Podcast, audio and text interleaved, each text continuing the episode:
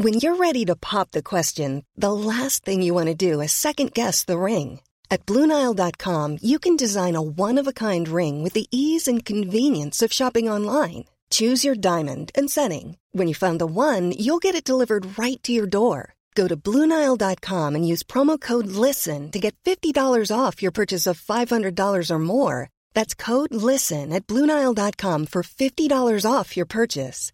Bluenile.com code LISTEN. A lot can happen in three years, like a chatbot may be your new best friend. But what won't change? Needing health insurance. United Healthcare Tri Term Medical Plans, underwritten by Golden Rule Insurance Company, offer flexible, budget friendly coverage that lasts nearly three years in some states. Learn more at uh1.com. Hiring for your small business? If you're not looking for professionals on LinkedIn, you're looking in the wrong place. That's like looking for your car keys in a fish tank.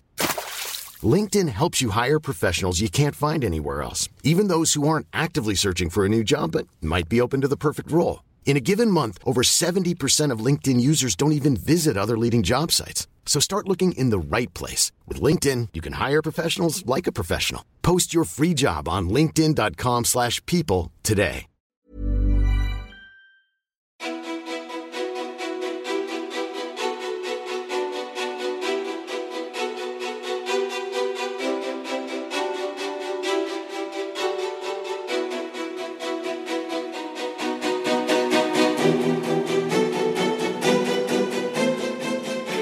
Hej och välkomna till min podcast Ofiltrerat. Idag blir det ett eh, lite annorlunda samtal. Eller det blir ett samtal som jag gjort en gång tidigare. För idag så är gästen jag själv igen. Jag är ju då Sofia Peterfia Ståhl som har den här podden.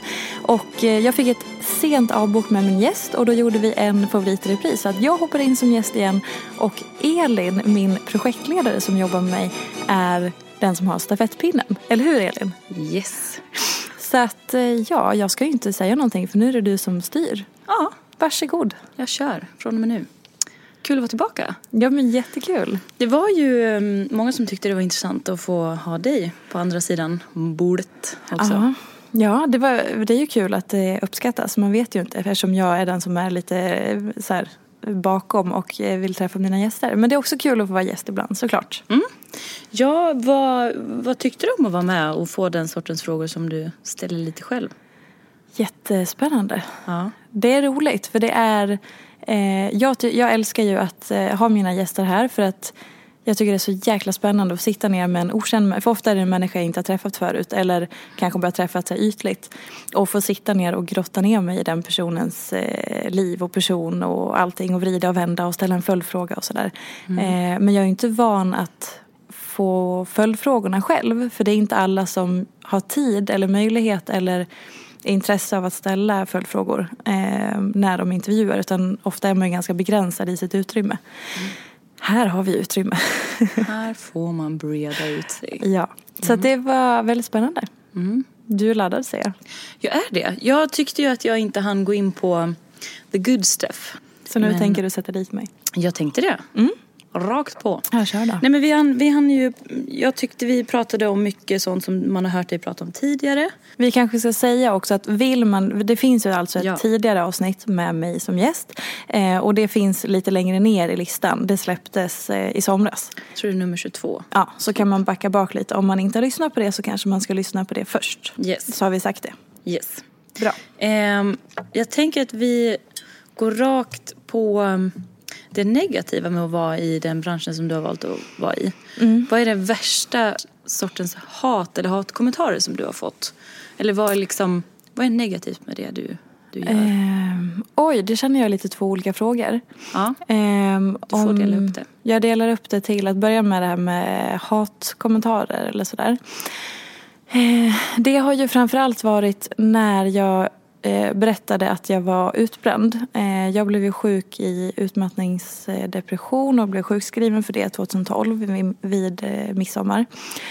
Ehm, och hade liksom skrivit ganska mycket i min blogg om att jag var stressad, att jag hade ångest, att jag mådde dåligt, att jag hade magproblem och sådär. Och sen när det väl mynnade ut i att herregud jag är utbränd så var jag ändå öppen och ärlig med det. Ehm, Ganska direkt. Eh, men då var det under den perioden och under sommaren så var det då förvånansvärt många kan jag tycka som ändå så här tyckte att det var skit. Eh, inte att jag var sjuk, för det kan man ju tycka är skittråkigt för mig. Men att det var skit att min blogg var så negativ, jag var så jävla tråkig. Eh, hur kan någon som jobbar med hälsa ha psykisk ohälsa? Det är ju helt sjukt och du borde bara stänga ner. Och hur har du mage att bli utbränd? Du som är ung och inte har några barn, för fan skärpa dig. Eh, och sen så blev jag nominerad till eh, Blogg Awards som var en stor grej på den tiden. Eh, ett bloggpris för årets hälso och träningsblogg. Och då tyckte folk också att det var helt sinnessjukt att någon som var utbränd kunde få liksom ett, en be, be, utmärkelse för att vara inspirerande inom hälsa. Eh, så att det var liksom, man, jag skulle helst inte prata om att jag mådde dåligt för det var, jag bara var negativ och det var så jävla synd om mig och hej och eh, Sen var ju inte det många såklart, det var ju majoritetens stöd och sådär men det var ändå det var verkligen att här, sparka på någon som redan ligger och som också berättar om att man ligger och bara är så här jag går igenom det värsta jag någonsin har gått igenom. Jag är så jävla trasig. Hur ska jag resa mig? Jag vet inte vem jag är. Jag överlever i mitt liv men det är så jävla tufft. Och då kommer någon och bara så här hatar på det. Mm. Eh, det var definitivt det tuffaste. Trodde folk på det du skrev eller var det en misstro eller var det att glömde man bort att det fanns en människa på andra sidan och att det var liksom att du fanns till för dem? Ja, och att det var liksom, vi gick in här för att bli peppade. Ja, men jag tror framförallt att folk var lite så här, hälsa, det ska ju vara inspirerande och käckt och glatt. Eh, och att, att skriva om sin psykiska ohälsa och dåliga mående och den andra delen av hälsa som är ohälsa, det var liksom inte okej. Okay. Mm. Eh, men samtidigt var det intressant för att bara några månader innan så hade jag fått kritik och hat för att jag var så jävla hurtig. Mm. Jag var så sprallig, jag var så hurtig och jag var så onaturligt glad och jag var så jävla check hela tiden. Eh, vilket ju på ett sätt var mitt sätt att försöka eh, kanske både dölja att jag mådde dåligt men också hantera hur jag egentligen mådde innan jag kunde förmedla det eller berätta om det. Eh, så då försökte jag lyfta det positiva istället.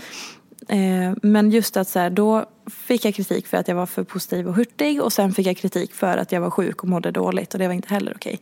Så, att det, så är det ju med allt hat, det går ju inte riktigt att, så här, hur ska man göra rätt? Vad hände då? då? Hur bemötte du det på något vis? Eller hur gick det rakt in då eh. just i den perioden av livet? Eller? Ja, så här, nu har jag svårt, i och med att jag var sjuk så har jag inte så, jag har väldigt mycket minnesluckor från den här perioden. Jag kommer liksom inte ihåg eh, allting så tydligt. Jag kan komma i, det är inte så att det är ett svart hål men det är mycket som jag inte riktigt har koll på och det tillhör väl utbrändheten. Eh, men jag minns ju att eh, det var någon gång som jag säger, ibland så bara när jag själv inte orkade hantera det och behövde lite så bekräftelse från mina följare att jag resonerade eh, klokt som så här, jag vill dela med mig av det här. Då lyfte jag bara kommentaren och så bara så här, okej hjälp mig, vad tycker ni? Är det så här? Tänker jag fel? Så jag lyfte det i ett eget inlägg och så fick läsarna berätta hur de resonerade. Mm. Och då var det ju 99 procent positivt och peppande och bara men herregud folk är ju dumma i huvudet som är så taskiga när du är, mår dåligt och sådär. Mm. Um, så att så kunde jag göra och sen är det klart att jag jag tror att jag såklart tog åt mig och blev ledsen men att jag var i främst upptagen med den situationen jag befann mig i. Så att det tog inte kanske så mycket fokus som det normalt skulle ha gjort. Um, men samtidigt så var det så här, det gjorde inte saken bättre. Eh, och det var ju, sen beror det lite på så här, vart jag var eh, den dagen när någon skrev någonting. Så är det eh, generellt känner jag. Mm. Eh, sånt. Eh, sen har jag ju fått kritik genom åren och det har varit, eh, det var mer hat i början mm. än vad det är nu. Nu kom det ju några kommentarer för ett tag sedan eh, som var så här kritiska. Men innan det så har jag varit väldigt befriad, alltså i massa år. Eller massa år, i typ fem, sex år, fyra, mm. fem år. Ehm, så det har inte varit så mycket hat. Det har varit väldigt mycket stöd senaste, senaste åren. Nu på senaste då? Ja men då var det för att jag skrev ett inlägg i Eh, jag så här, ville testa någonting nytt. I vanliga fall när jag skriver inlägg om känslor eller tankar eller irritation eller någonting så skriver jag det liksom ett par dagar efter att det har inträffat. För då hinner jag marinera det i mitt huvud, jag hinner formulera mig, jag vet vad jag vill ha ut av inlägget, vilket budskap det ska ha och sådär. Så jag låter det landa några dagar och sen kan jag använda mina känslor och tankar eller situationer. Men den här gången så testade jag det att så här, direkt i situationen så gick jag till datorn och bara wow, kräktes ut massa frustration. Mm. Som handlade om jag kom precis ut från att ha försökt nattat min dotter jättelänge och hon vägrade sova som bebisar gör ibland. Eh, och bara så här, frustrationen över att den här läggningen drog ut på tiden och jag bara så fick en flashback till alla nättkvällar som jag har legat i det där sovrummet och försökt få henne att sova när jag ammade henne till sömns så under det här senaste året, för mitt barn är ju ett år nu. Jag bara såhär, åh gud, ännu en till jävla nattning. Och så bara frustrationen som hände då. Och då så var jag också såhär, jag hade tänkt så mycket på att mina, jag har varit så arg på män. Det manliga släktet. Alltså vad fan gör de egentligen? För att jag är en nyförlöst kvinna. Mm. Fick barn för ett år sedan, ammar, mycket hormoner. Man, jag som gått igenom graviditet, amning, hela den biten. Och bara vad fan gör männen? Och så ska man få mens igen. Och bara så här, ja ah, du har en förkyld. Du vet jag var så bara, har varit så irriterad på, på det manliga släktet. Och så liksom bara så skrev jag om det rakt ut i ett inlägg. Och bara så helt osensurerat, bara alla känslor och frustration och allting. Bara blä, bajsade ut det. Ehm, och det återigen 99 procent bara, gud vad skönt, jag känner igen mig, jag fattar precis hur du känner. Åh, det där är jag när jag liksom, ja men du vet, folk känner igen sig och så, vilket är jättehärligt. Sen var det någon som eh, då läste in massa saker att att jag eh, har typ tyckte att min man gör ingenting, han är helt värdelös och att jag klagar bara.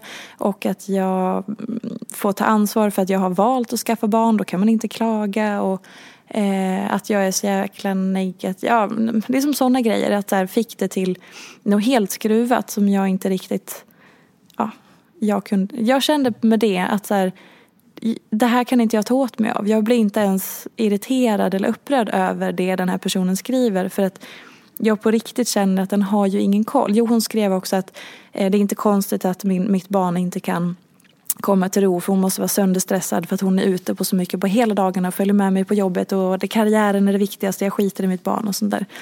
Och då säger ja, om det är det du väljer att tro eller tolka av det jag skriver så får det vara så. Jag kan liksom inte jag försökte resonera med henne genom att svara på någon kommentar och så. Men då bara fortsatte hon och var liksom helt inne och så men det, det är ingen idé. Hon har bestämt sig för att hon har rätt och hon vet massa saker om mitt liv och min familj. Så att, ja, vad ska jag göra? Mm. Men då var det så skönt att jag så här, jag på riktigt kände inte att jag kunde ta åt mig ens för att hon, hade, hon har ingen koll, hon vet inte. Hon, hon hittar på saker. Mm. Ehm, och det är ju skönt, det är värre när man känner att man får en kritisk kommentar som tar och bara fan det här har jag också tänkt på. Det är ju ont. För då blir det så här, ja du har ju rätt. Mm. Jag vill inte att du ska ha rätt om någon skriver något kritiskt. Men du har rätt, det har jag också tänkt på. Det är därför man tar åt sig ofta. Får det dig att tänka någonting hur du väljer att ta med och eh, kanske framförallt visa upp din dotter? Um, har det ändrat någonting kring dina tankar där? Att um, du kanske vill hålla din familj borta från bloggen och mm. skriva och prata om dig själv? Ja, Hur tänker du där? Det har ju gått... Eh, det har ju gått lite i perioder. Hur, sen när eh, hon var ba, bebis så tänkte jag att... Alltså hon var ju, en bebis är ganska så här, identitetslös eller vad man säger. Eh, och det är så mysigt hur man är så ny, man vill trycka upp sin bebis i hela ansiktet på hela världen. Eh, så i början var hon med ganska mycket, men alltså, på någon bild här och där så skrev jag om hur jag upplever allting. Um, och det, det är ju alltid det som är min utgångspunkt, att jag skriver om min upplevelse av föräldraskapet eller dagarna tillsammans eller sådana saker. Men däremot så har jag medvetet valt att till exempel inte så här uppdatera varje månad med hennes utveckling eller eh, idag gjorde hon den här konstiga grejen eller idag så bajsade hon ner sig där eller idag så Ja, men jag vet inte, alltså, jag, jag skriver om, om mitt perspektiv och mina upplevelser gentemot det vi går igenom tillsammans och henne och så. Men jag har inget intresse av att, att lämna ut hennes liv och hennes rutiner och hennes så. Sen har jag fått väldigt mycket önskemål om just hennes rutiner till exempel.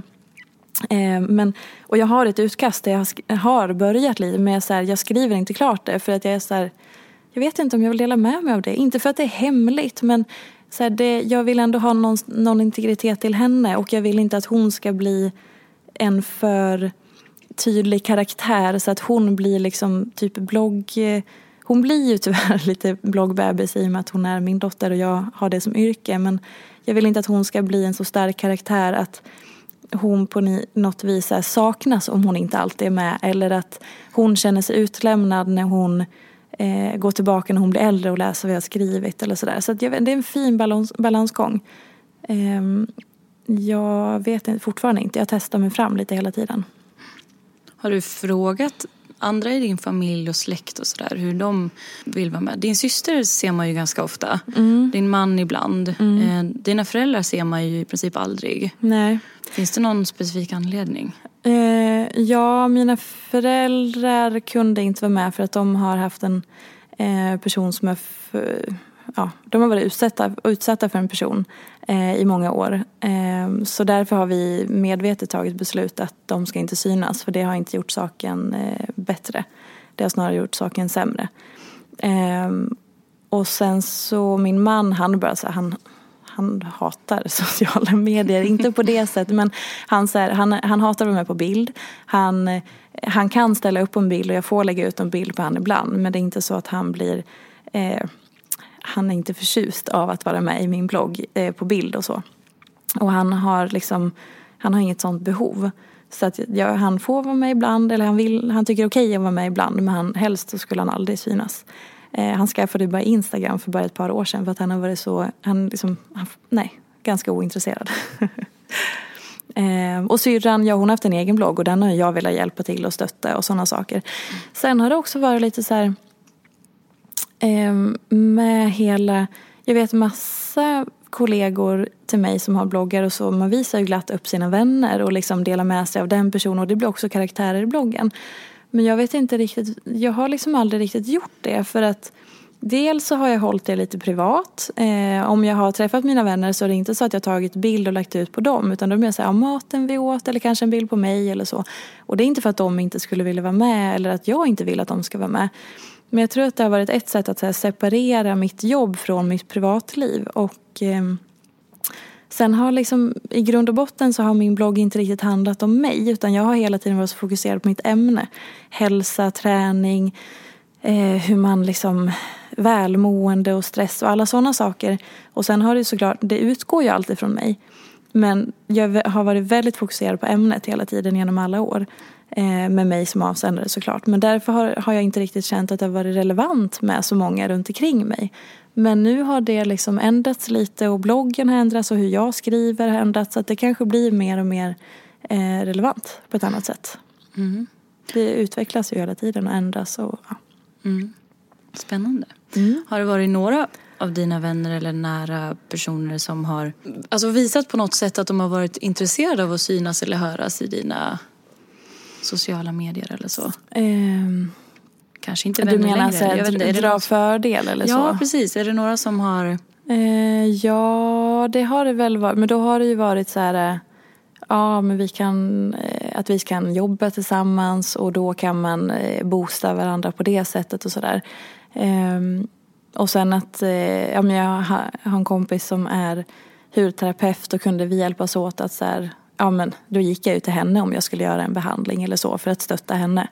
Ehm, men... Hur är det att vara vänner mitt i det då? Kan man skilja liksom på så, Nej, men nu vill jag bara ses, ja. inte visa upp att vi ses. Ja, men för det är det jag menar att jag har gjort så mycket. Att jag, så här, jag, jag dokumenterar typ aldrig när jag är med mina vänner eh, på det sättet. Utan ja, nu har jag börjat lägga upp stories eller sådär. Och jag taggar dem jättegärna och jag visar jättegärna upp dem. Men det, jag, jag tror, för att jag upplever så här. Jag upplever att väldigt många eh, kollegor till mig som är influencers eller bloggare har så svårt att skilja på jobb och fritid och att allting flyter ihop för att mycket handlar om att visa upp hela sitt liv. Och det gör att alla gränser suddas ut och det är svårt att få återhämtning. Det är svårt att ha en, så här, nu startar min arbetsdag, nu slutar min arbetsdag och allting flyter ihop vilket gör att folk mår dåligt för att de känner sig aldrig färdiga, man känner sig inte tillräcklig och det kan bara fortsätter och fortsätter, man blir aldrig klar. Och där känner jag någon slags eh, tvärtom. Att för mig så är det så jäkla tydligt att nu är jag på jobbet, nu gör jag mitt arbete, nu går jag hem från jobbet och jag tror att det är det att så här, nu går jag hem, då är jag med mina vänner, då jobbar inte jag, alltså lägger inte jag upp det i sociala medier.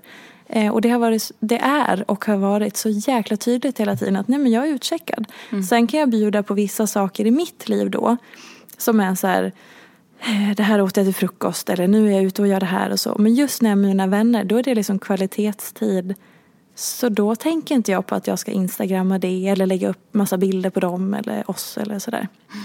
Mm. Um, och sen också lite för att det har inte passat in. För att det är ju mitt ämne som har varit i fokus. Mm. Eller att det ska ha ett budskap med liksom hälsa eller sådana saker. Mm. Um, så jag tror att det är det. Så här, nej men jag är med mina vänner och då fokuserar jag 100% på det. Mm. Sen ibland så är det så här, ah, men kan du ta en bild med mig här och kan vi, mm. sådana saker såklart. Mm. Eh, men inte. Du säger att du delar på det och det ska vara relevant till ditt ämne. Mm. Men samtidigt så, ja, men till exempel din syster är ju med väldigt ofta. Mm. Dina andra syskon, min syster har ju varit med för att hon har en blogg. Ah, ja. och så där har det funnits, mm. Eller hon hade en blogg.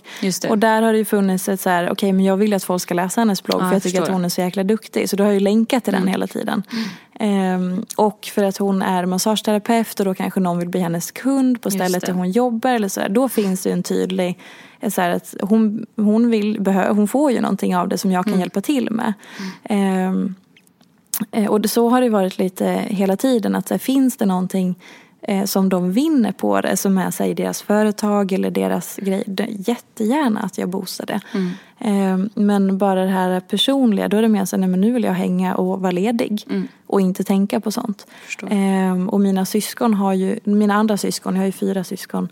Eh, de har inte den typen av jobb eller liksom någonting som de skulle vinna på att jag mm. skulle tagga dem eller så. Och sen så har inte vi Eh, jag och min syster som du refererar till, min lilla syster, vi är också bästa vänner.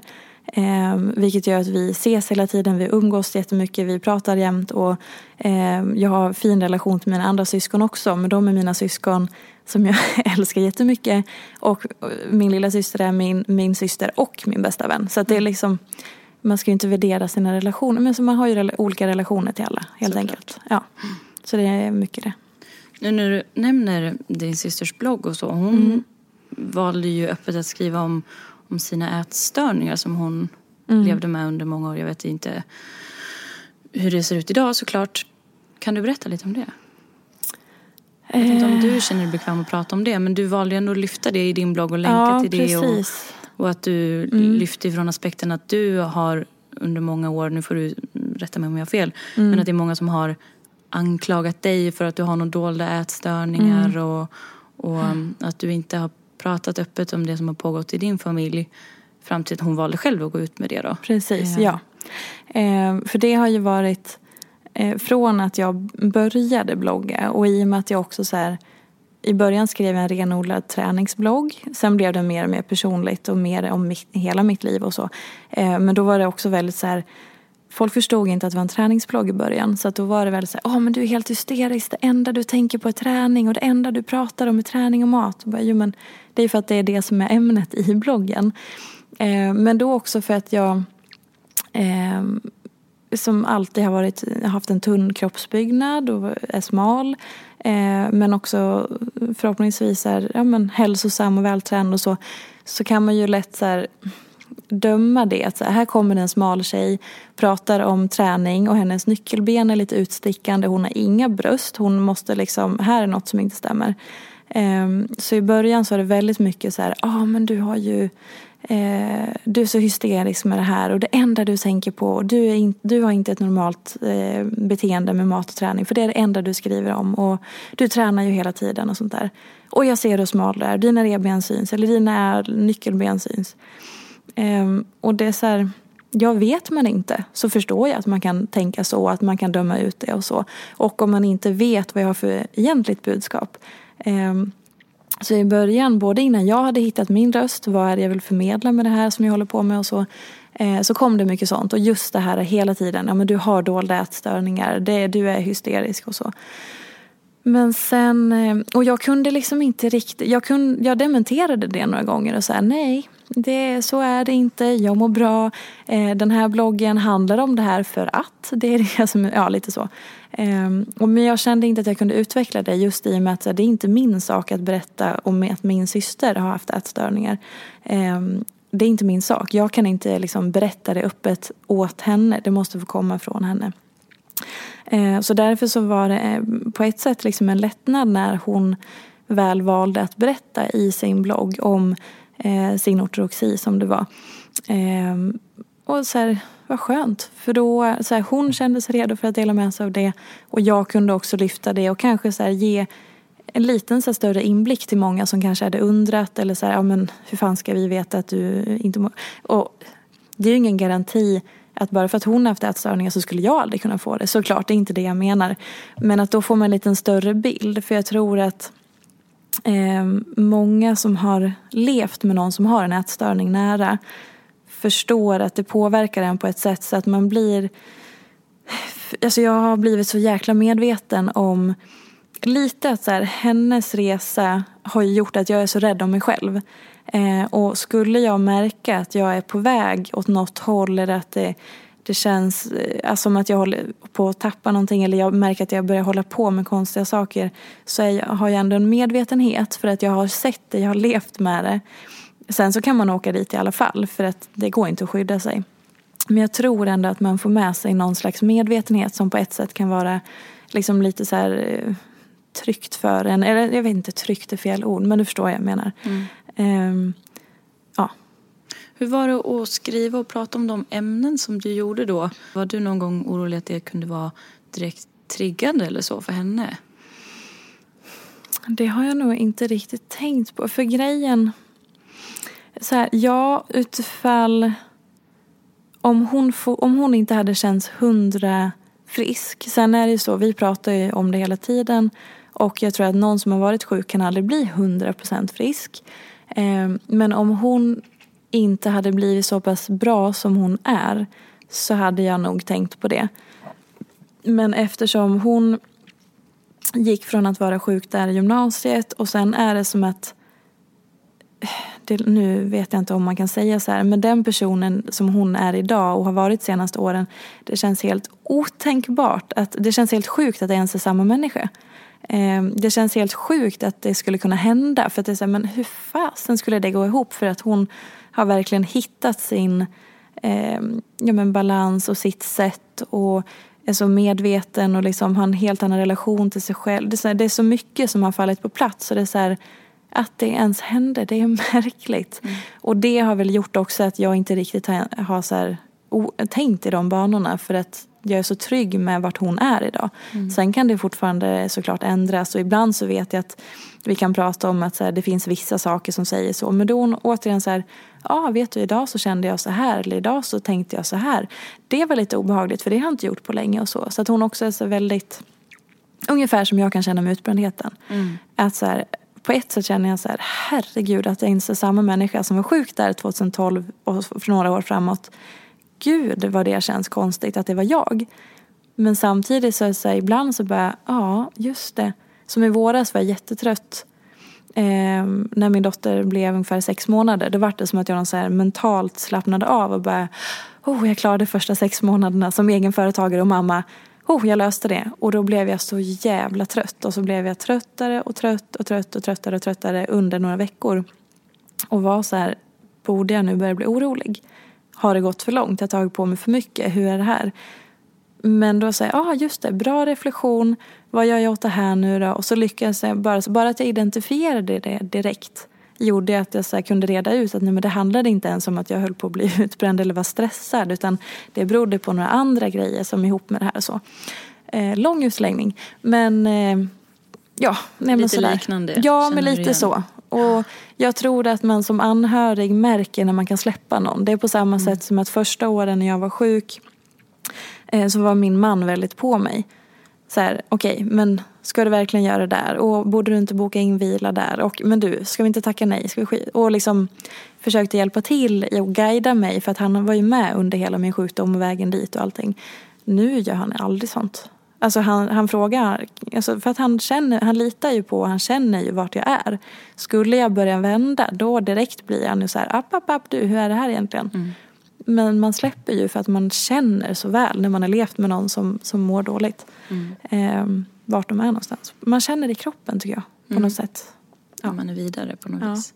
Hur var det för er som familj att gå igenom en sån, jag tänker både din och hennes mm. resa. Främst hennes då, för där ja. var ju du en del i, i, i samma sida som dem. Det kanske är svårt att, ja, att du det kan jag inte om hur de svara, upplevt. Precis, det kan jag inte riktigt svara på. Um, Men hur är det att vara, an, så här, hur är det att vara nära anhörig som, mm. till någon som går igenom?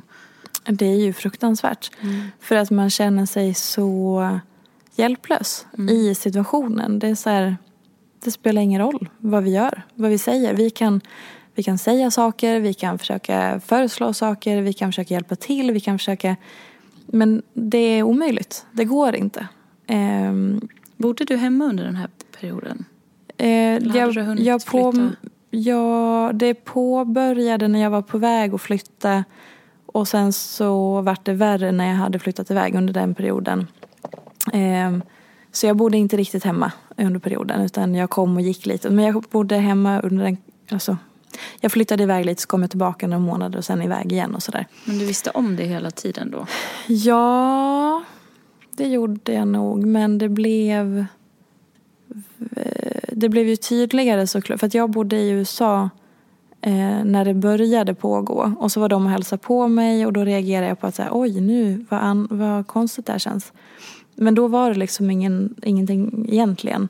Men sen när jag kom hem så började liksom beteendet eh, utvecklas. Och sen eh, ja, så eskalerade det. Och då var inte jag riktigt, då hade jag flyttat, flyttat iväg igen. Så det var, det var ändå så, det var ju värre för mamma och pappa och min syster som eh, gick igenom det tillsammans hemma. Mm. För att jag var inte där på en daglig basis. Så. Hade du något dåligt samvete över att du inte var där? Ja, det hade jag väl på ett sätt och samtidigt så blev det någon konstig distans till det för att jag bodde i Oslo under den tiden. Eh, och även vi, så när, när vi pratade om det och allting så pratade vi och då var man ju helt i det och så här, hur ska vi göra och vad kan man göra? Ehm, men eftersom man inte är fysiskt på plats så blir man också lite begränsad. Tyvärr, man vill ju gärna, man vill göra allt. Ehm, och jag gjorde väl det som jag kände att jag kunde under den tiden. Ehm, men det är ju svårt när man bor så långt ifrån varandra och inte ses så ofta. Så det jag kunde göra var ju att finnas där, prata, lyssna, eh, bara försöka vara ett stöd.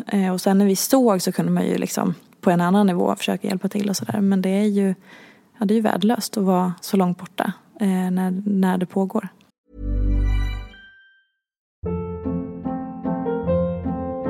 Hold up. What was that? Boring. No flavor. That was as bad as those leftovers you ate all week. Kiki Palmer here, and it's time to say hello to something fresh and guilt-free. Hello Fresh. Jazz up dinner with pecan-crusted chicken or garlic butter shrimp scampi. Now that's music to my mouth. Hello Fresh. Let's get this dinner party started. Discover all the delicious possibilities at hellofresh.com. If you thought the only way to get a more defined jawline with natural looking results was through surgery, think again. Juvederm Volux XC is a non surgical injectable gel filler that improves moderate to severe loss of jawline definition and can help you achieve natural looking results with little downtime. Even better, this improved definition lasts up to one year with optimal treatment. No maintenance required. Improve jawline definition for a smooth, sculpted look with Juvederm Volux XC. For important safety information and to find a licensed specialist, visit juvederm.com. That's J U V E D E R M.com. Not for people with severe allergic reactions, allergies to lidocaine, or the proteins used in Juvederm. Common side effects include injection site redness, swelling, pain, tenderness, firmness, lumps, bumps, bruising, discoloration, or itching. There's a risk of unintentional injection into a blood vessel, which can cause vision abnormalities, blindness, stroke, temporary scabs, or scarring. Talk to a licensed specialist to find out if it's right for you. A lot can happen in the next three years. Like a chatbot may be your new best friend. But what won't change? Needing health insurance. United Healthcare Tri Term Medical Plans are available for these changing times. Underwritten by Golden Rule Insurance Company, they offer budget friendly, flexible coverage for people who are in between jobs or missed open enrollment. The plans last nearly three years in some states, with access to a nationwide network of doctors and hospitals. So, for whatever tomorrow brings, United Healthcare Tri Term Medical Plans may be for you. Learn more at uh1.com. Hey Dave, Yeah, Randy. since we founded Bombus, we've always said our socks, underwear, and t shirts are super soft. Any new ideas? Maybe sublimely soft. Or disgustingly cozy? Wait, what? I got it. Bombas. Absurdly comfortable essentials for yourself And for those facing homelessness. because one purchased equals one donated. Wow, did we just write an ad? Yes. Bombas. Big comfort for everyone. Go to bombas.com slash ACAST and use code ACAST for 20% off your first purchase. Mm. Mm. Mm. Hur, det är ju två döttrar då i en och samma familj som har varit igenom väldigt tuffa grejer i sin uppväxt. Tror du att det har något samband? Finns det någon liksom... Ja, det är alltså... Som jag var inne lite på, tror jag, i det förra avsnittet. Eh, alltså, jag tror så här, det finns... Alltså, för jag gick hos en... Eh, vad heter det? Arbetscoach eller karriärscoach. Eh, först när jag var utbränd så gick jag i min eh, gick jag vanlig terapi och sen så efter några år så gick jag till en karriärscoach för att försöka styra upp hur jag arbetade och så. Och hon pratade om det här med eh, så här, nedärvda familj... Nej, sociala mönster eller familjemönster. Jag tror att hon kallar det familjemönster. Ehm, och det finns liksom, tittar man bakåt i min eh, familj och släkt så är det väldigt mycket att, ja men det så, man har, alla familjer har ju sina, sina arv och sina mönster, hur man, hur man hanterar konflikter, hur man pratar om saker och ting, hur man pratar om känslor, empati och sådana saker. Så att det är klart att det finns olika samband. Ehm, och det ser jag väl också på dem runt omkring mig som inte är min syster och jag. Ehm, att så här, ja men mycket pratar man inte om och det är så här längre tillbaka också. Och mycket som har hänt i släkten som är så här, det tystas ner, det pratas inte om, det, man hanterar inte det. Ehm, och även när jag pratar med, jag och mina vänner pratar väldigt mycket om sådana saker. Och där är det också att så här, man ser på deras mönster. Så det, det är ganska att man kan känna igen sig. Ehm, och just det här med hur man pratar om eh, till exempel bekräftelse eller ehm, vad heter det? Jag har gjort ett poddavsnitt om det. Ehm, Eh, Jo, em- emotionell och praktisk. jag tänkte empati hela tiden, det var därför Ja, jag inte kom ja, på ja. emotionell. Ja, emo, emotionell och praktisk eh, kärlek eller bekräftelse. Det pratade vi lite om sist. Precis, och så här, det tror jag är en, så här, en grundläggande grej som jag pratar med så många som känner igen sig. att här, Vi har ju fan inte koll på hur man ska vara emotionell tillsammans. Hur man ska prata känslor och liksom få en vettig självkänsla med sig. Och så, här, så har det ju inte varit. Alltså, I min familj, långt tillbaka också. Så här, min, mina föräldrar och deras föräldrar och sånt. Så här, det, det har inte funnits. Och det tror jag inte är någonting unikt. Och det är klart att det gör saker med människor. Att man så här, får med sig sånt. Har, inte jag, har inte mina föräldrar fått en god självkänsla så har får inte jag det. För då vet man ju inte hur man kan ge det vidare om man inte har det själv. Ehm, så att jag tror att det är så lite, dels svenskens förbannelse och sen olika familjers förbannelse. Eh, och det är klart att så här, man påverkas av olika saker och sen uttrycker man det på olika sätt bara. Pratade man om det rakt ut? Eller var det någonting som pågick som man inte riktigt tog i där och då? Det kanske man tog i stängda rum eller man kanske visste om det. Eller hur, hur pratades det om eller inte om? Alltså att jag var utbränd, det har jag varit öppen med så himla... Alltså i och med att jag har skrivit om det öppet och sådär. Så att det har ju folk vetat om hela tiden. Och jag har ju pratat med de som jag räknar som min eh, närmaste familj, vilket eh, är eh, även liksom mormor och morfar och några fler personer i Då är det ju släkten. du som väljer att prata utåt. Jag tänker Nej, får- men de, pra- de Okej. frågar ju också. Ja. Och så här, där, där, är så här, de som jag räknar som min närmaste familj, eh, ett antal personer som inte bara är liksom mina syskon och föräldrar utan några personer till. Mm. Eh, där finns det så här, okej men berätta hur mår du, Mm. hur går det, hur tänker du? Som, där frågar man och är, kan vara liksom rak och så här, ställa raka frågor. Ehm, och bättre med åren också. Mm. Det kanske inte var lika mycket så när jag växte upp men vi har liksom utvecklats tillsammans Mm. eh, där. Men sen så, som, om jag bortser från den familjen som jag, som jag har ehm, så är jag liksom inte så nära. Jag umgås inte med min släkt på det sättet. Så där känns det lite främmande att man skulle prata, alltså om någon frågar, jättebra, jag berättar jättegärna. Men jag har inte den relationen för att jag umgås inte med min släkt på det sättet. Ehm, Det har varit någon kusinträff någon enstaka gång eller min mamma har haft kusinträff och så. Men vi har, jag känner inte dem på det sättet. Ehm, Då är det ju mer så vänner eller ja, så. Där finns ju den, ehm, den kommunikationen eller omtanken och så. Men det tror jag handlar om vad man har för relation. S- Jag har aldrig umgås med min släkt på det sättet. Nej.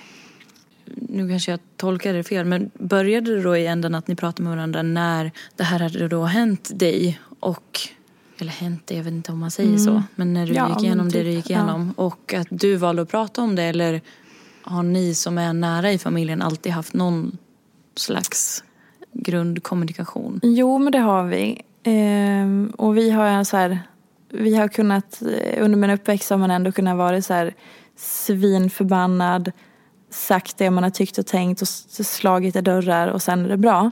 Ehm, sen har vi kanske inte alltid varit så bra på att fånga upp det efteråt och pratat om det igen. Att så här, okej, men jag blev så arg på grund av det här. Utan då är det mer att så här, okej, nu var du så arg, punkt. Ehm, men ehm, det har ju såklart blivit bättre eh, med tiden. Och sen också att man, vi blir lite äldre. Jag har ju varit väldigt, eh, jag som människa är ju väldigt så här och ju äldre jag blir, alltså jag orkar inte med den här skiten att man inte pratar om saker. Mitt tålamod tar slut. Eh, så jag har väl varit ganska pådrivande om att vi ska prata om saker, vi ska vara rakare med varandra. Ehm, jag accepterar inte att jag ringer till någon av dem som jag anser är min familj och de säger jo men det är bra, det är så trevligt och här och här och här. Ibland kan man ha sådana samtal. Men när jag vet att det är någonting, då, så här, då fan säger du det. För jag orkar inte med. Jag vill inte veta vad dina blommor heter just idag. när vi vet att det är någonting vi behöver prata om som behöver komma upp till ytan eller det här hände eller så. Så att där har jag nog varit eh, väldigt pådrivande. Eller det vet vi alla att jag har varit väldigt pådrivande. Och det handlar ju också mycket om min egen personliga utveckling. Att jag har tvingats i och med min utbrändhet tagit tag i väldigt många saker för att jag ska må bättre i mitt liv. Ehm, och sen så ser jag kanske att det här kan även hjälpa vissa som är nära mig och då försöker jag liksom att ge de verktygen vidare och att vi kommunicerar för att jag också av rent egoistiska skäl så vill jag ha nära relationer och jag upplever inte att nära relationer blir av vardagsprat utan då måste man med jämna mellanrum gå på djupet. Inte alltid men eh, med jämna mellanrum. Har du blivit tvungen att avsluta med någon i din närhet? Den Nej. sortens? Nej. Det har snarare blivit eh, mycket bättre. Ehm, ja, det har det. Det har liksom stärkt oss eh, tillsammans. Ehm, så det har inte Nej, inte för att ingen skulle tycka att det är obekvämt att kommunicera eller sådär. Nej. Eh, jag stod ju senast bara för någon vecka sedan och skrek på en person i min familj. Alltså jag klev ut på balkongen för att jag var så arg över en grej. Ehm, och då kunde jag bara så stå och bara, jag bara skrek. Jag var, så, jag var så jävla arg. Och sen så pratade vi om det och så ringde vi dagen efter. Och så bara, ja.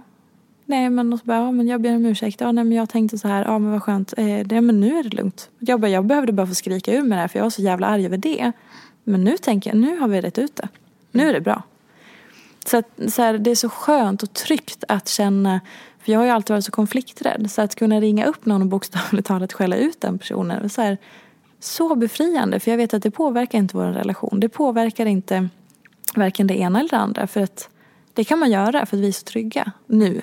Det, det var liksom lite på ett annat sätt förut. Men, och just att jag vågade inte ringa och skälla ut folk förut. Mm. Men nu vågar jag det. Mm. Passa er.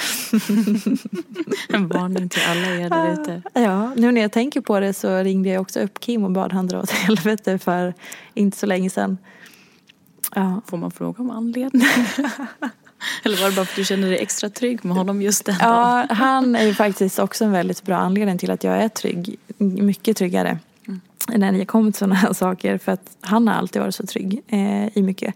Nej men jag var bara, jag tror att så här, som, som föräldrar, nya föräldrar och i en relation, alltså att få barn gör ju väldigt mycket med relationen. Och hur mycket man än försöker att förstå varandra första året så kan det vara stor skillnad på hur livet ser ut för eh, mamman och pappan eller den som partnern eller vem man nu har. Alltså den som ammar barnet får ju ta en, ett större lass med barnet. Sen så får ju partnern göra ett större lass med allt annat. Men det kan ju...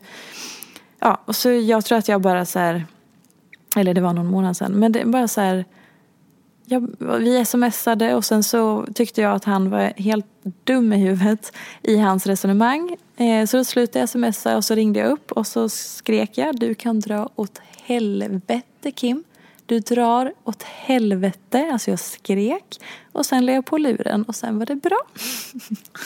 Tyckte och, du? Och sen så hördes vi inte på några... Jo, och sen efter en kvart så smsade jag och bad om ursäkt.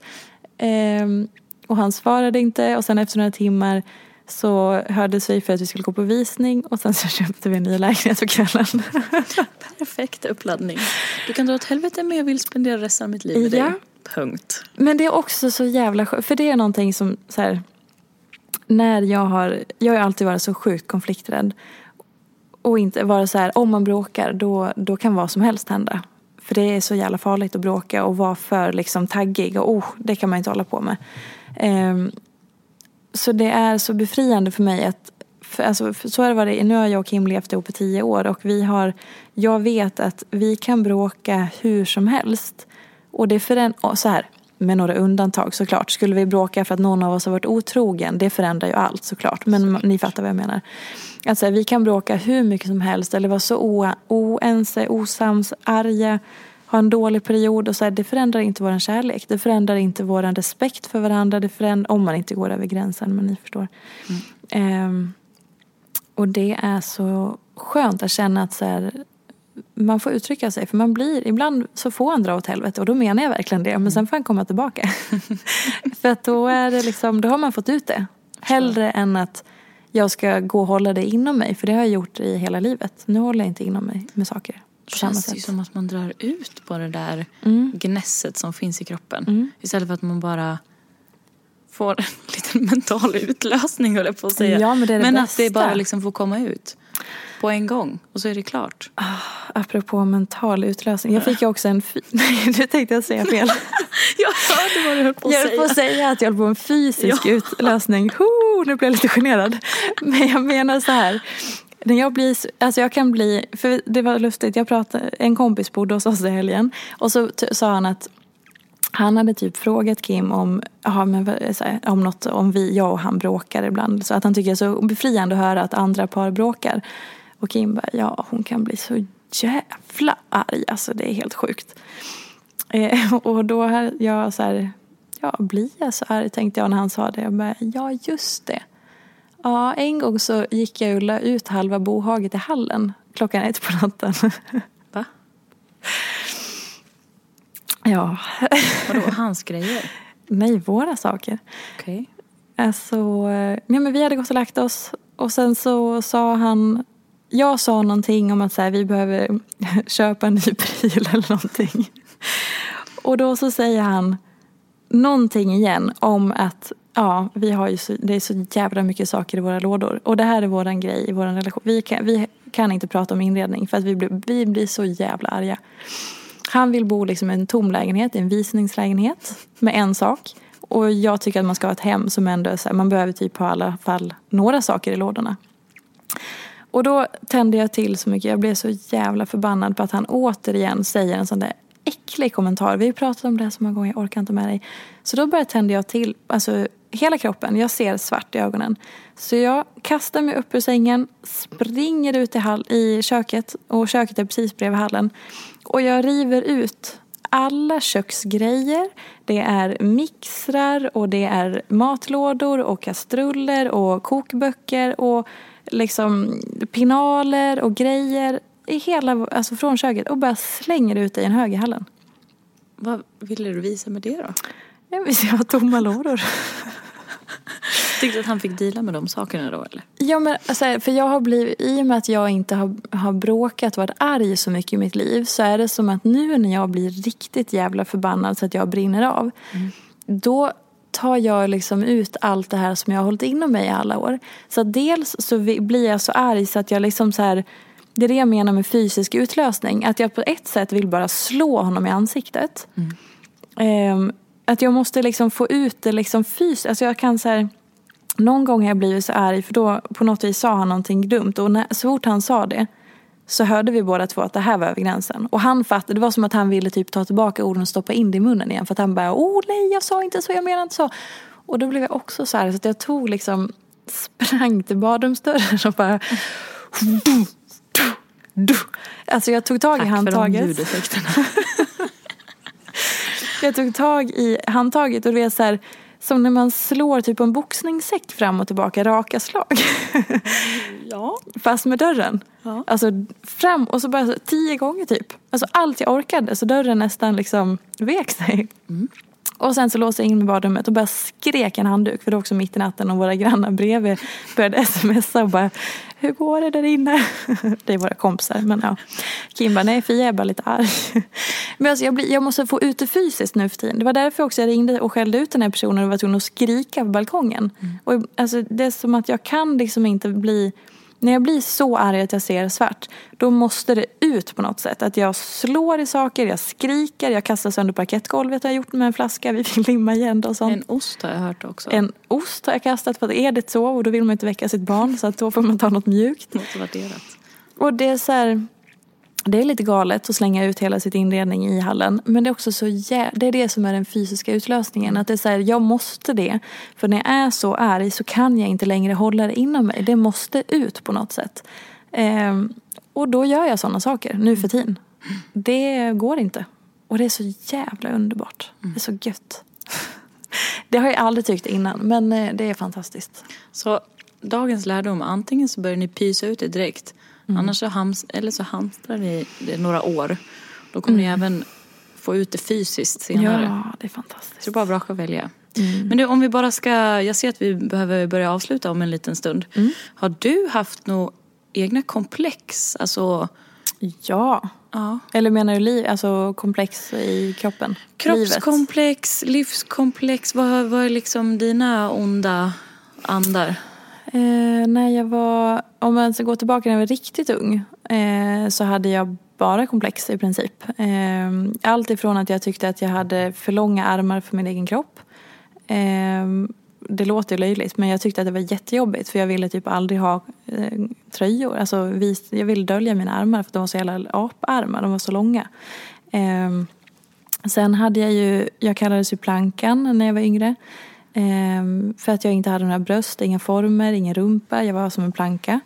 Ehm, precis innan puberteten. Jag var också sen in i puberteten och var liksom supertunn. Och jag såg ut som ett barn och såg ut som en anorektiker. Eller jag såg ut som en ja men du vet, alltså inte kvinnlig som man ville vara då när alla fick mens och tuttar och gick in i puberteten.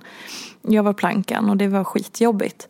Eh, sen så hade jag komplex för hur jag såg ut eh, alltså i profil. Jag tyckte att jag hade fruktansvärd profil. Eh, jag tyckte att jag inte passade i uppsatt hår. Ehm, jag tyckte ibland att mina kinder ser tjocka ut när jag ler. Så då har jag inte velat liksom le för att de då ser tjock ut i ansiktet. Ehm, att jag är så benig, mina bröst. Jag har funderat på att förstora brösten jättemånga gånger i jättemånga år. Ehm, det var, till, det var som att det släppte lite grann när jag bestämde mig för att okej, okay, om jag fortfarande tänker på det här om ett halvår, då bokar jag en tid eh, till en konsultation. Det här var när jag var typ 20. och då var det som att jag kunde liksom på något vis släppa det. Eh, för att jag vet inte vad som, det var som att då var det lite så här, allt, är- så här, nu är, är det på riktigt. Eh, och då gjorde jag ju ingenting för att jag lyckades gå vidare med det då. Men det blev lite en chock nu igen när jag blev gravid, fick större bröst och så ammade jag, fick gigantiska bröst. För stora för att det är bekvämt. Men sen så när man har ammat klart så blir det ju en sån kontrast att då är det bara två så här disktrasor som hänger kvar. Och som också var, nu är de mindre än vad de var innan jag blev gravid.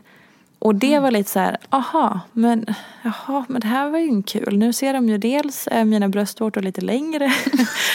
och dels är... Skring, förlåt, jag. Ja, ja, men de är längre. Eh, De är liksom utsugna. Och sen så är liksom bröstens fyllighet, vi hade ändå lyckats jobba upp, jag vet inte hur jag jobbat upp det, men min, eh, när jag liksom kom över 20-årsåldern så hade jag ändå typ en B-kupa.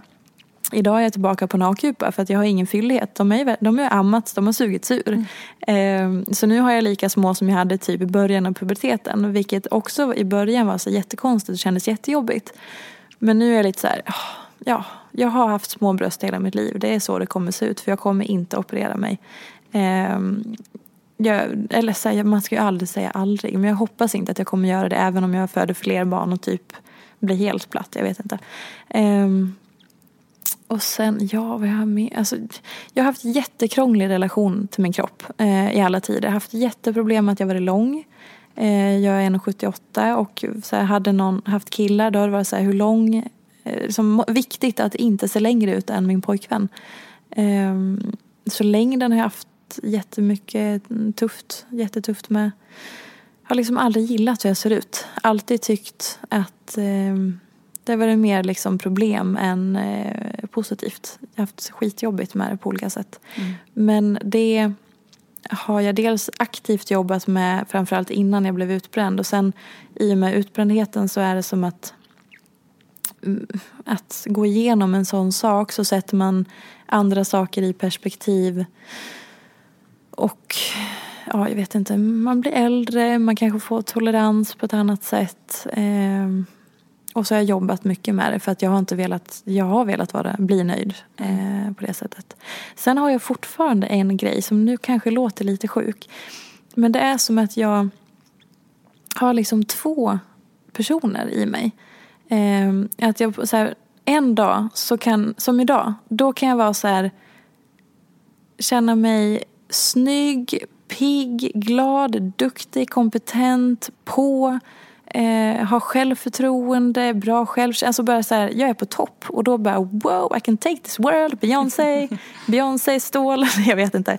Men, och då är jag så här, då känner jag mig som mig själv på något konstigt sätt. Och sen vissa dagar, då är det, el- eller om jag en sån dag ser mig i spegeln, alltså råkar se min spegelbild. Och då är det som att men nej men gud. Då är det något, kan du känna igen det här? Jag förstår vad du menar. Eller låter det helt sjukt? Ja, men absolut, man kan ju känna sig on fire. Och så ser Sen man sig själv. Man se, ja, men man tror nästan inte att det är Nej. en själv. Och då blir det som att man bara, äh, nej men det här rimmar ju inte med det som jag känner inom mig. Jag Och vad skönt att du känner igen. För att jag är så här, det här är bara jag som håller på och tänker på. Nej men jag förstår absolut. Ibland kan Ja. man ju känna sig on top, on fire och sen så Vissa dagar Mm. möts man ju av ett riktigt alright. Andra dagar, vänta nu det här stämmer inte riktigt. Och det är som att man tappar farten lite. Förstår och bara? Man blir lite chockad. ja men gud. För att det passar inte in, eh, det är Eller- någonting ja. liksom. Antagligen så är det ju ingen skillnad för någon runt en. Nej, det är ju bara kanske att man själv känner sig som Beyoncé och sen ser man att man inte är Beyoncé eller något. Jag vet inte. Räka. För man kan också tycka att man är fin så här, om man går på toa och kollar sig i spegeln och bara yeah, I Ja, got this. Men sen är det som att när man råkar få syn på sig själv så är det som att säga, nej men gud, oh, nu blir jag lite avslöjad här. För jag kan känna så, så här, ja, men jag refererar ofta, jag kommer från en liten stad där det är så här, mycket jantelag och, och då är det lite som att jag så blir avslöjad. Att så här, här kommer jag och känner mig så härlig och trygg och snygg och bra. Och så bara, ah, ah, tror inte att du är någonting. Att jag så här råkar få en glimt av, nu bara försöker jag gissa mig fram vad det är. Men något sånt. Att man så här, rå, ja jag vet inte. Man känner sig som det här rådjuret Mm. på en mörk väg som blir liksom upplyst av strålkastarljusen. Ja. Och sen eh, vissa dagar såklart, det här med att jag har två personer, eller Mm. två personas, eller det, är inte två personas, men du fattar, två Mm. känslor Ja. kring mig själv. Eh, och vissa dagar vaknar jag och bara, fy fan. Mm. Allt är fel. Jag är skitdålig, jag är skitful, allting är konstigt, det bara skaver. Nej, nej, nej. Inget Beyoncé den dagen. Mm. Och, men då stämmer den känslan hela dagen. Att då, så, här, då ser jag ju så ut som jag känner mig. Mm. Men just så lustigt att när jag känner mig på topp så kan jag bli avslöjad av mig själv. Mm. På något sätt. Låter jätteflummigt. Nej men jag kan förstå vad du menar. Mm. Jag tror att jag gick igenom hela mina tonårsår Ja. och kände mig som Beyoncé. Och i, I och för sig fick jag aldrig den där glutten i, i spegeln så jag, det var först senare man bara oj, det var visst inte riktigt som jag, som jag trodde. Nej, ja det har vi ju sett på bilder det. du har visat. Absolut. Men det Ja. var ju väldigt skönt och befriande. Mm. Faktiskt. Men ja, vad intressant att du också har haft mycket komplex och sen också väljer att jobba med det du har jobbat med. Hur var det i början? När du fortfarande, för det, var, det lär väl ha varit när du började, för då satt väl fortfarande i Du såna tankar. menar att eh, folk eh, betraktar en för liksom hur man ser ut? Det sånt? väldigt mycket synas och höras och man ska ju visas upp från Ja, alla vinklar och vrår. På ett sätt så tror jag att det hjälpte. Mm. För att nu är det ju så här att nu har jag gjort åtta år i den här branschen och sett så mycket bilder på mig själv, pratat så mycket om mig själv, kräks på mig själv eh, stundtals. För att, och jag har också sett så här, alla möjliga vinklar och bilder och filmsnuttar och konst, så här, det har ju varit nyttigt på ett sätt för att nu bryr jag mig så lite. Det är klart att jag fortfarande vill se mitt bästa jag ut och jag vill vara så fin som möjligt. Men det har verkligen hjälpt mig att så här, släppa väldigt mycket. Eh, och jag bryr mig inte lika mycket. Idag har jag inte de komplexen. Idag tycker jag genuint att jag eh, är fin och att jag är nöjd med mig själv generellt överlag. Eh, och skulle inte vilja ändra så mycket. Ja, det är ju så här, om det här med mina bröst som kommer tillbaka. Men eh, det är ingenting som jag går och lider på som jag gjorde när jag var yngre. Eller lider av. Ehm, så att jag tror att det har varit väldigt nyttigt för mig. Jag har inte blivit så att jag har blivit mer osäker och känt att du måste ändra allting för att se perfekt ut. Utan jag har snarare blivit mer obrydd. Ehm, så att det, för mig har det nog varit bra.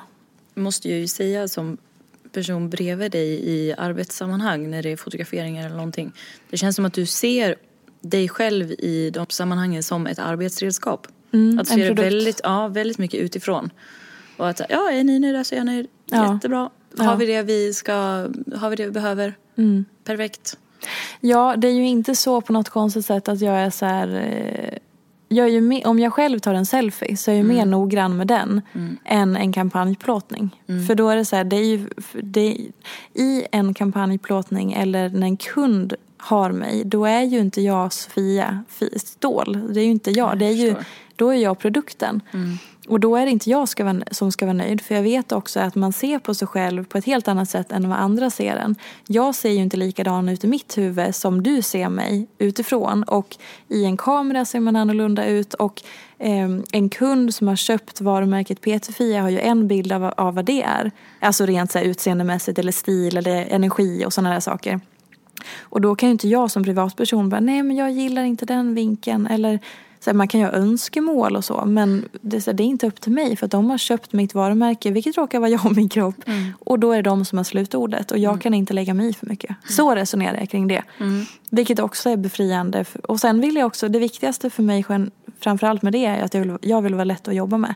Därför tar jag också ett steg tillbaka. Så här, ibland ser jag att så här, oh, det där är inte jag så jävla nöjd med. Ingen Beyoncé idag. Nej, det hade inte jag valt. Men om de verkar nöjda, Ja. då backar jag i det och säger så länge ni är nöjda, då spelar det ingen roll. Vilket är lite sjukt, för ibland ska ju de där bilderna användas till saker som massa människor ska se. Men det är ändå så här, ja men då får det vara så. För det är inte upp till mig. På något konstigt sätt. Ehm, om vi bara ska gå tillbaka där vi började. Ehm, den frågan som du ville dela på. Just det. Det negativa med det du gör. Eh, ja... Vad svårt. Det där är så svårt för att det beror nog på vart man är när man får en sån fråga. Nu är jag på en plats där jag tycker att allt är fantastiskt. För att jag är jag är så jäkla glad och tacksam och inspirerad och känner bara att det finns så mycket att göra. Det finns så mycket att utveckla, så mycket att göra, så mycket man kan hitta på. Så nu har jag svårt att hitta på någonting negativt. Men hade du frågat mig för någon månad sedan eller så så hade jag väl säkert tyckt att så här, ja men det, dels är det en konstig värld och det tycker jag fortfarande. Det är, så här, det är en konstig värld. Men jag försöker ju använda det till att göra min grej i den konstiga världen.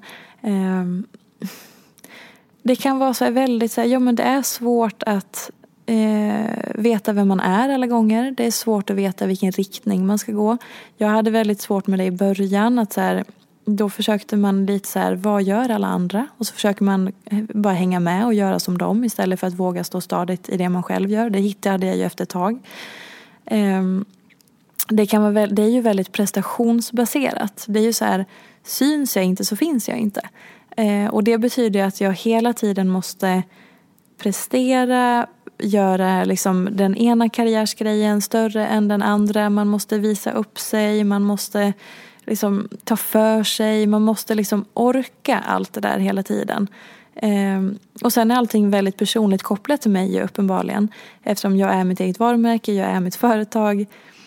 Utan mig så faller allting. Och det till exempel under min utbrändhet var ju fruktansvärt. Eh, för att när jag föll, vad finns det? jag måste ju ändå upprätthålla det här om jag inte vill att det ska försvinna. Samma sak när jag får barn. Skit i att jag får barn, det får jag bara ta med in i det här för att jag har inget annat val. Jag måste få allting att rulla och få ihop det. Eh, man kan liksom aldrig lämna över till någon. Så det är väl det, så här, ja det går inte att få en paus. Eh, det är konstant hela tiden. Även om man försöker ha så här vettiga vardagar med helger och ledigt och pauser så är det ändå konstant. Det går inte att ta en normal semester och checka ut i fyra veckor och sen så kan man komma tillbaka utvilad till jobbet. Eller gå på en föräldraledighet eller gå på jullov eller så. Utan allting är hela tiden konstant. Finns ingen att lämna över till. Allting hänger på mig i slutändan. Och det är så här, ja men det är ju härligt och bra när man är i en bra period. Är man i en dålig period så är det skittufft. Ehm, det är också skittufft att prissätta. Mm. Hur vet jag vad jag är värd? Det mm. jag gör är värt. Hur ska man kunna ta betalt för det man själv gör? Det är bara, allting är bara på för att man ska försöka värdera Säga, ja men här är en text eller här är en bild eller här har vi gjort det här. Hur ska man kunna veta vad någonting är värt? Det är jättesvårt. Mm. Um, det finns mycket konstigt. Men det mm. är, alltså om man tänker på det så är det ju, ja. Men eh, det finns också väldigt mycket bra. Det är ju kul ja. att höra. Och kul att avsluta med. Ja. Det var ju också lite roligt att du hade svår, först hade svårt att komma ja. på någonting. Verkligen. Det, det säger här, ganska mycket. Där jag är nu så har jag jättesvårt. Det var därför jag var tvungen att blicka bak lite och så här, mm. okej okay, men det här vet jag ju och det här kanske. Mm. Ja. Mm. Ja men eh, Ska vi avsluta så? Vi avrundar så. Ja. Tack, bra jobbat. Ja, men tack detsamma. Jag har ju fortfarande inte ens ställt alla mina frågor som jag har på min lilla lista. Men, eh... Det kanske kommer ett till sånt här avsnitt eh, till jul eller någonting. Mm. Eller nästa gång en gäst bokar av i sista sekunden. Ja, exakt. Det är också okej. Okay. Men tusen tack för att ni har lyssnat. Tack Elin som eh, styrde det här med bravur. Eh, och följ gärna på Peterfia, både på bloggen hos Amelia och eh, på Peterfia som Instagram. Har ni frågor så mejla Elin, elin.peterfia.se. Please do. Ja, ha det så bra. Tack så mycket. Hej då. Hej då. Jag vill rikta ett stort tack till Acast för studie och stöttning och ett stort, stort tack till geniet Elin Sjödén som klipper den här podcasten.